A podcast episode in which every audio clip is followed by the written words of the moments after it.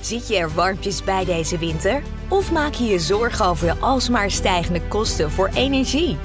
Elektriciteit en gas, we kunnen niet zonder. Maar komen we in 2022 in een energiecrisis of zijn we goed voorbereid? Over de rol van de Nederlandse politiek, Europa en Rusland en de vraag of we niet te afhankelijk zijn van gas en kolen. Wat gebeurt er als er geen zekerheid is dat er voldoende gas wordt geleverd? Gastheer Severin de Wit ontvangt zijn broer, Roland de Wit. Specialist energietransitie en werkzaam als manager nieuw business bij Groendus Energie. Roland, hoe gek kan je, kan je het maken? Op de laatste dag van het jaar was het de warmste dag ooit gemeten. En was de energieprijs op het hoogste punt van het jaar. 186 euro per megawattuur. Ja, dat zijn uh, exorbitante tarieven. Uh, je ziet dat dit, uh, naar mijn idee, de gasprijs is. Elektriciteit gaat nog veel hoger. Dus het kost immers geld om van gas elektriciteit te maken. Nou, we, we, zouden vandaag eens gaan praten over hoe het er nou eigenlijk uitziet op de energiemarkten en wat, wat we de komende jaren kunnen verwachten. En ik begrijp dat jij zegt van, nou, ik zie er al donkere wolken aankomen. Vertel. Nou, wat er natuurlijk in de markt aan het gebeuren is dat er uh, een heleboel partijen afhankelijk worden van um, uh, landen buiten Europa.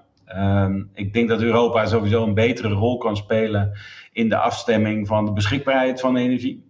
Wat we nu zien is dat, uh, dat er extreme tarieven ontstaan en dat komt meer door de beschikbaarheid dan door de vraag maar daar komen we volgens mij straks ook nog eventjes uh, over terug, of op terug. Ja, dat is niet weer een crisis, hè? want het jaar is net begonnen en ik heb net een goed humeur. We hebben een nieuw kabinet. Mogelijkheden om te leven met corona. Dus uh, hopelijk alle crisis opgelost in 2022. En dan ga jij roepen dat we misschien weer een energiecrisis krijgen. Of is het zo erg nog niet? Ik denk dat die energiecrisis al een tijdje aan de gang is. Alleen dat uh, het na-effect daarin, dat dat nog moet komen we zien uh, meestal de grote, hoogste uh, prijswijziging in forward. Dat betekent dat voor gas die je bijvoorbeeld in april nodig hebt. Uh, nou, we zitten nu in januari en in januari is alle maand waarin alle variabele tarieven weer aangepast worden. Dus er gaan nog wel wat uitingen van die hoge energieprijzen komen uh, in, in de beleving van mensen dat het misschien toch wel erger is dan dat we de afgelopen maanden gedacht hebben. Dus dat na-effect is zeker aanwezig. Zo, het nieuwe kabinet kan dus uh, lekker aan de bak. Um, ik begrijp dat een gemiddeld huishouden meer dan 50% voor energie gaat betalen. Maar dat is toch peanuts ten opzichte van de zakelijke afnemers van energie? Die zullen hun kostprijs stevig, stevig zien toenemen. Ja, als je een eh, gemiddeld huishouden in Nederland, dat is ongeveer, eh, laat zeggen, 3,5 tot 4 megawattuur. Dus met die prijs waar jij het net over had, afgerond zo'n 200 euro, zou je op 4 keer 200 euro per jaar komen, wat elektriciteit jou kost.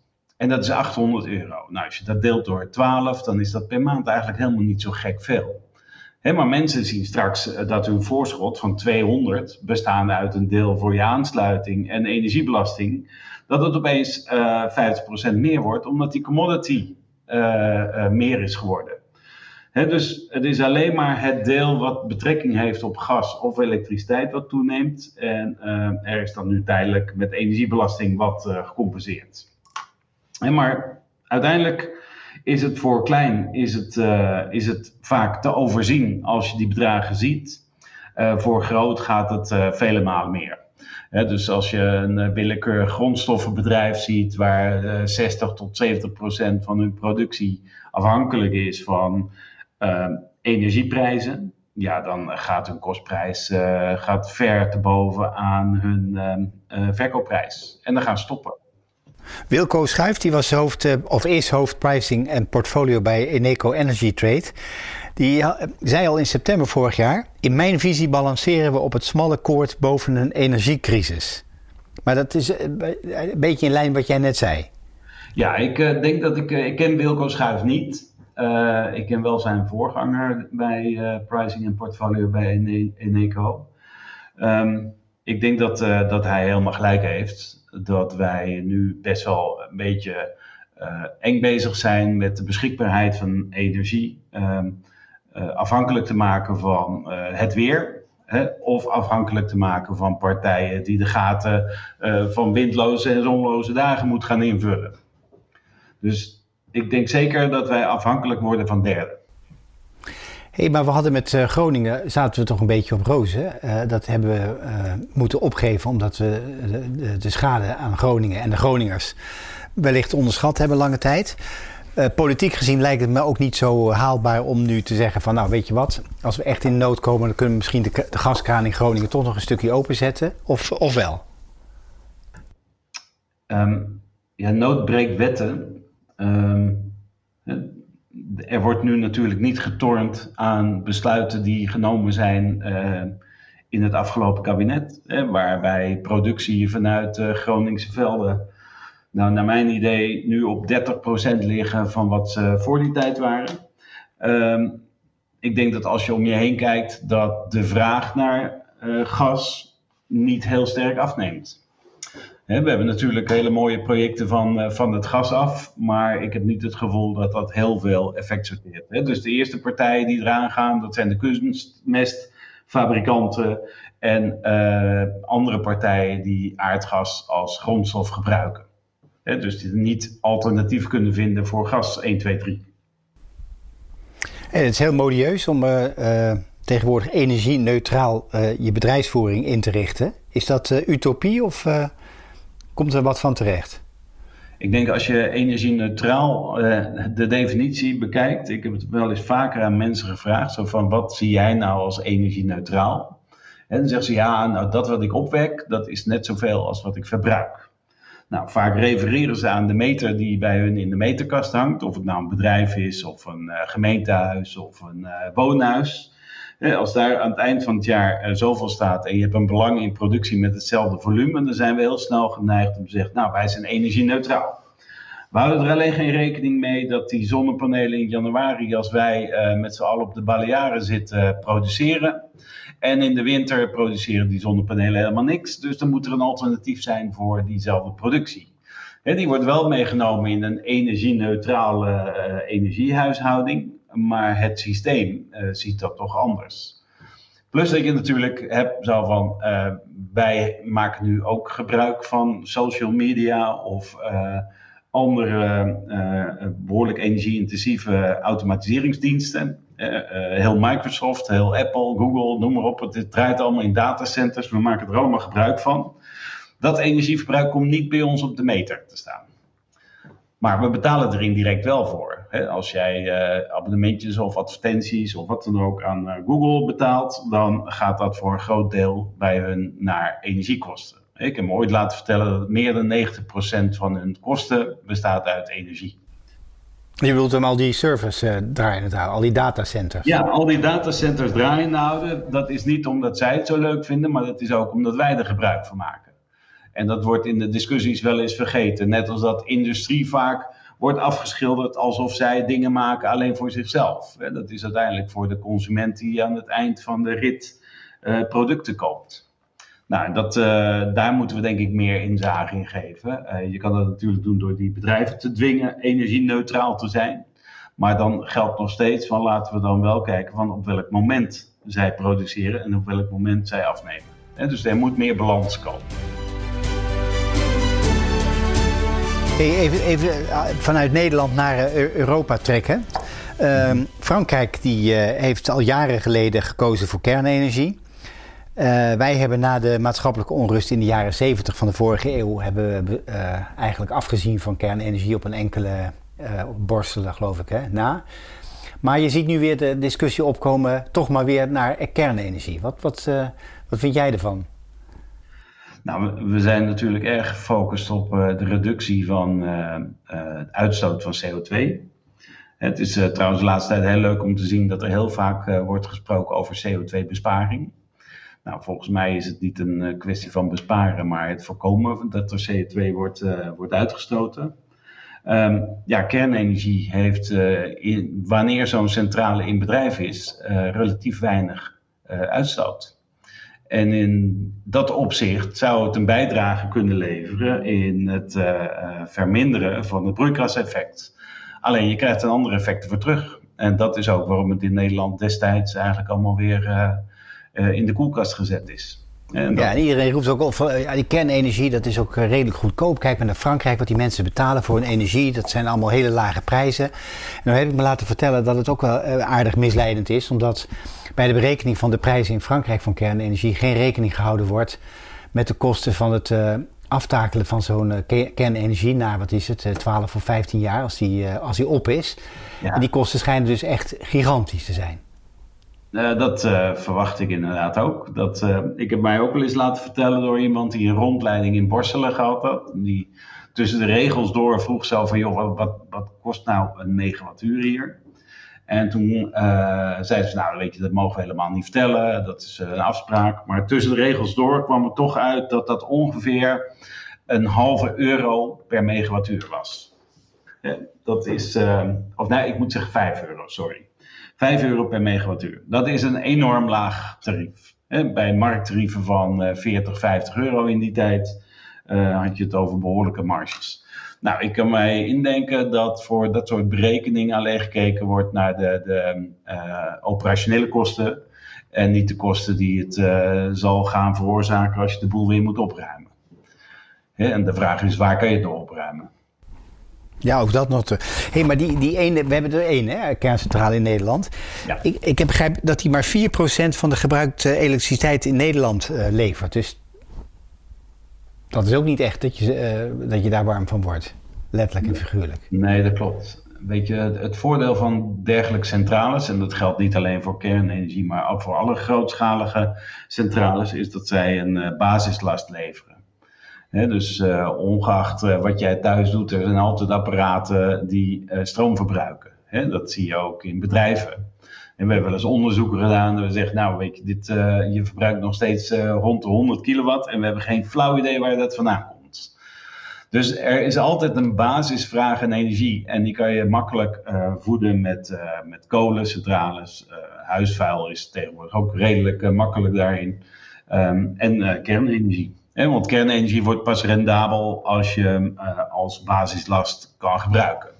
Het moet niet zo zijn dat op het moment dat het heel mooi weer is en er veel zon is, dat die kerncentrale geacht wordt uh, stilgelegd uh, te zijn. dan denk ik niet dat je het rendabel krijgt. Ja, we hebben het bij energie hebben we het natuurlijk over elektriciteit en we hebben het over gas. Als ik me niet vergis, is de gasprijs de afgelopen maand met 400 tot 500 procent gestegen. Um, nou, dan kijken we naar uh, gas waar we die vandaan halen. Ik begrijp dat het uit Rusland komt, uit Noorwegen. Maar ja, met al die geopolitieke onrust, zometeen draait Poetin de gaskraan dicht. Is dat een reële optie?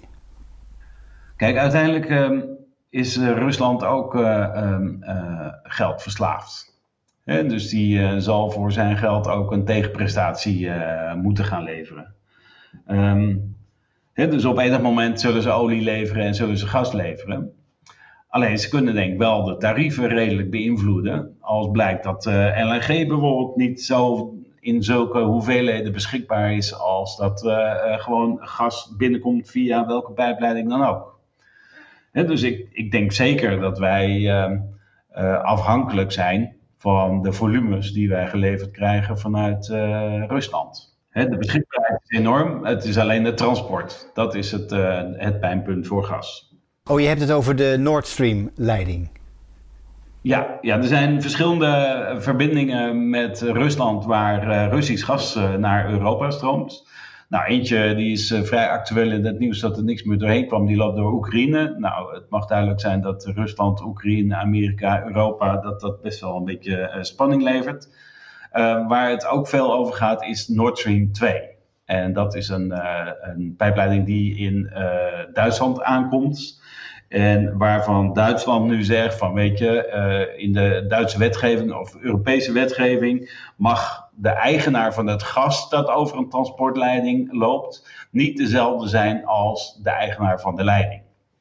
Dus transport en commodity die moeten gescheiden worden. Nou, dat is bij uh, Nord Stream 2 blijkbaar een issue waardoor vergunningen niet verleend worden en daardoor loopt er veel, nog geen grote hoeveelheden gas door die leiding. Ik hoor wel geruchten dat dat nu begint.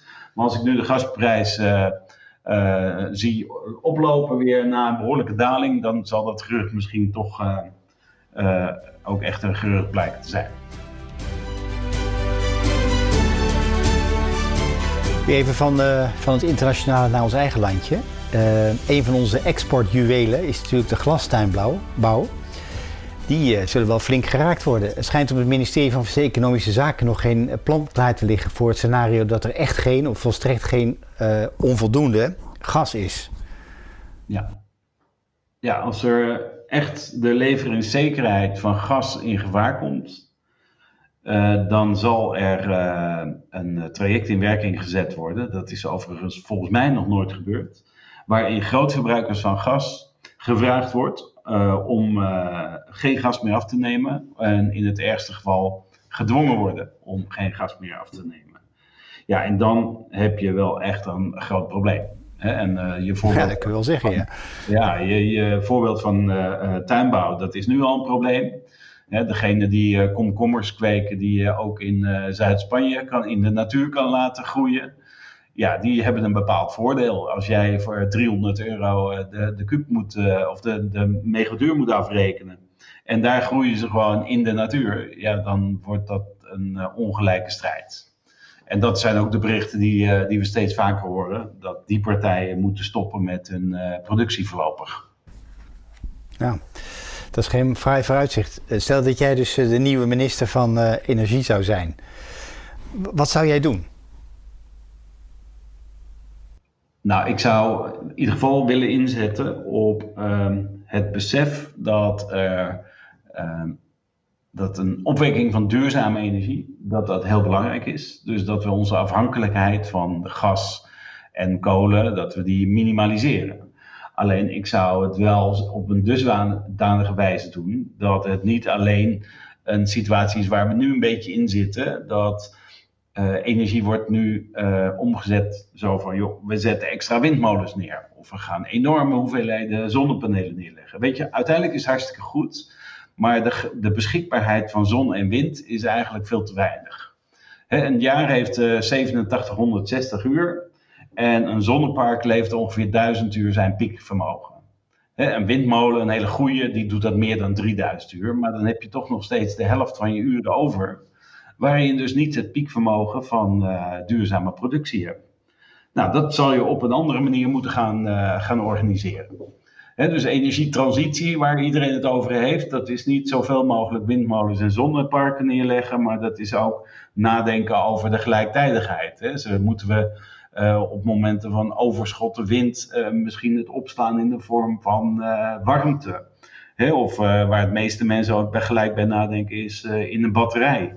Nou, dat kan wel, maar zulke hoeveelheden energie als wij in Nederland gebruiken om die te storen in een batterij, dat is best wel een opgave. Hè, dus daar zullen we de komende jaren nog wel mee bezig zijn. En dan verwacht ik ook dat de doelstellingen die nu neergelegd worden voor 20, 2030, dat die wel heel optimistisch zijn. Ja. Even technisch worden. Op 1 januari van dit jaar is er een verplichte productiebeperking voor kolencentrales ingegaan tot 35 procent. Wat houdt dat in en wat zijn dan de gevolgen voor de energieleveranties? Ja, meestal als dit soort beslissingen worden genomen, dan laat zich dat al zien in de prijs. dus het is niet zo dat iedereen op 1 januari denkt: oh verrek joh, die kolencentrale die, uh, doet het maar 35 procent. Um, dus de, de algehele energieprijs die zal wel beïnvloed worden door um, de beperking van uh, de inzet van kolencentrales. Um, ik heb daar ook over gelezen dat men het nog niet eens duidelijk weet of die 35% nu gaat over capaciteit. Dus wat kan ik leveren op een moment? Of uh, hoeveel volume ik over een jaar kan leveren. Dus dat zijn totaal twee verschillende dingen. Ik zou denken van dat het over volume moet gaan, omdat je dan in de zomer die kolencentrales eigenlijk op laag pietje zet. En in, de, qua leveringszekerheid in deze tijd uh, ze wel op enige uh, ja, goede capaciteit kan gebruiken. Ja. Tenet brengt elk jaar een uh, monitor leveringszekerheid uit voor Nederland. En uit de meest recente monitor blijkt dat de leveringszekerheid van elektriciteit op orde is. Dus we kunnen rustig gaan slapen. Uh, in Nederland is de, de hele voorziening voor leveringszekerheid eigenlijk best goed geregeld. Um, Tennet gaat niet over de leveringszekerheid van gas dat is een heel ander verhaal. Daar speelt uh, opslag speelt daar een grote rol. Dat zijn uh, ook uh, um, ja, industriële bedrijven die daar een rol in spelen. Particuliere sector. in ieder geval niet de overheid die daar aan de knoppen zit. En wellicht dat dat wel iets moet zijn naar de toekomst toe. Waarvan ik zeg, nou, de overheid moet wel minimaal vereisten stellen aan opslag van gas. En met elektriciteit is alles, als wij merken dat uh, de frequentie van ons lichtnet wat wegzakt, dan worden er vanzelf systemen bijgeschakeld om te zorgen dat die frequentie weer op peil komt. Nou, wat bedoel je met die frequentie? Wat is dat? De frequentie nou, dat, je kan je voorstellen, het net is 50 hertz, dus dat gaat uh, eh, 50 keer uh, op en neer in een seconde.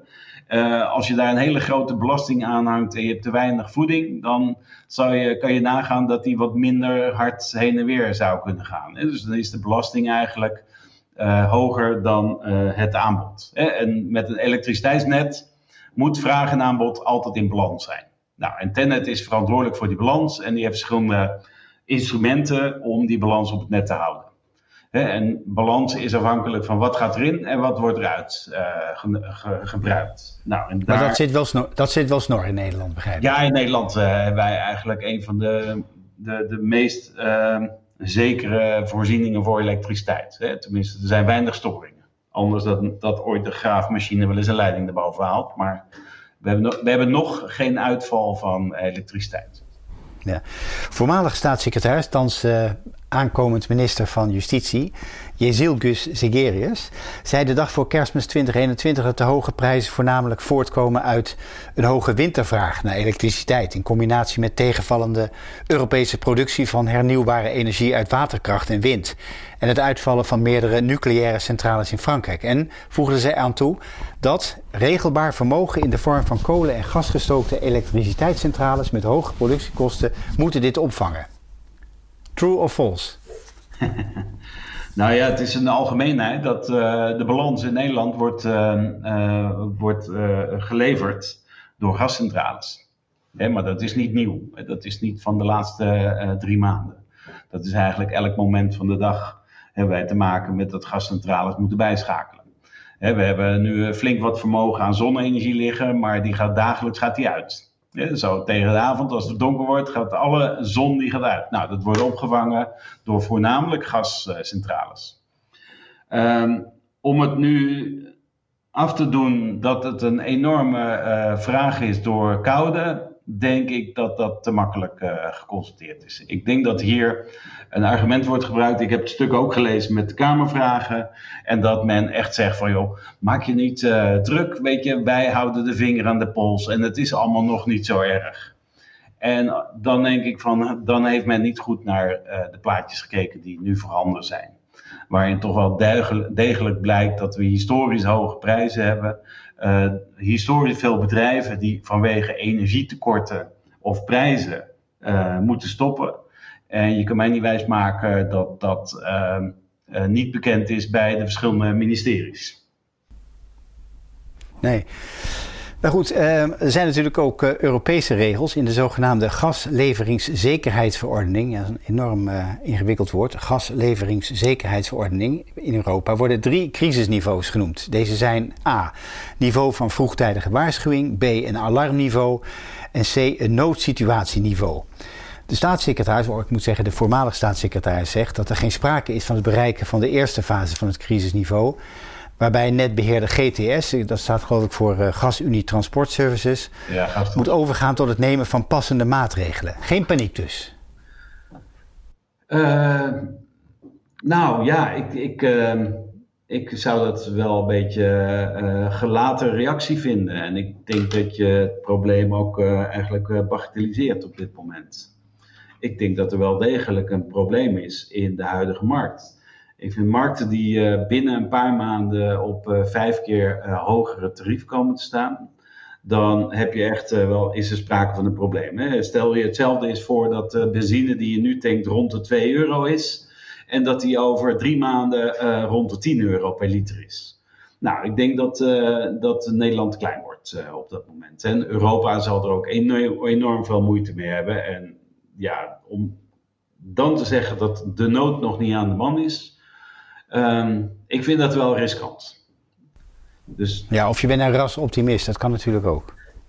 Ja, ja, en dat, dat je hoopt dat alles jouw optimisme zal volgen. En ja, weet je, ik ben zelf helemaal niet een pessimist of zo, maar meer een realist. En ik denk dat we daar eh, meer mee verdienen dan denken dat het altijd wel mee zal vallen. Omdat we het ja, eigenlijk dus... nooit meegemaakt hebben. Ja. maar dan zegt de voormalige staatssecretaris, die zegt, uh, mocht het toch misgaan, dan, uh, ja, dan gaat de overheid een beroep doen tot vermindering van gasverbruik. En als dat niet helpt, dan kan de overheid genoodzaakt zijn om niet beschermde afnemers, zoals bedrijven weer in ambtenarentaal, af te schakelen. Lees niet meer te beleveren. Ja, nee, dat, dat lijkt mij logisch als je te weinig gas hebt dat je een deel van de partij uitschakelt. Want voor hetzelfde geld heeft niemand meer gas. Hè? Dus dan ga je de huishoudens ga je, ga je daarin beschermen. Maar die huishoudens die zitten niet altijd thuis. Die werken vaak bij die bedrijven die afgeschakeld worden. dus die, op het moment dat dat aan de orde is, dan zullen zij ook uh, uh, geen activiteiten meer kunnen uh, uitvoeren. En ik denk dat het een economisch drama zal worden als dit langere tijd zal aanhouden. We hebben nu ervaring met lockdowns die we voor twee jaar geleden ook niet konden voorstellen. Maar ik denk dat als je een hele energievoorziening stillegt, dat ook je, je, je, je product neemt enorm af. Met zware economische gevolgen natuurlijk. Ja, vandaar, vandaar dat jij waarschijnlijk in het begin uh, nou ja, uh, een beetje zei van ja, we zitten toch een dreigende energiecrisis aan te komen. Nou ja, januari is altijd de tijd van de, de goede voornemens en het optimisme. Dus laten we hopen dat, dat we het fout hebben. Maar eh, misschien om daarmee af te sluiten.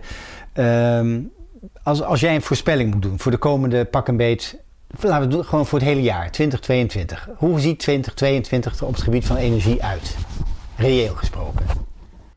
Ehm, als we het puur even hebben over gas en elektriciteit, dan is deze periode is het meest gevoelig voor gas dus uh, zodra uh, al onze zonneparken en windparken weer volle kunnen produceren, dan zal de invloed van gas minder zijn op de prijs van elektriciteit dan dat we dat nu zien.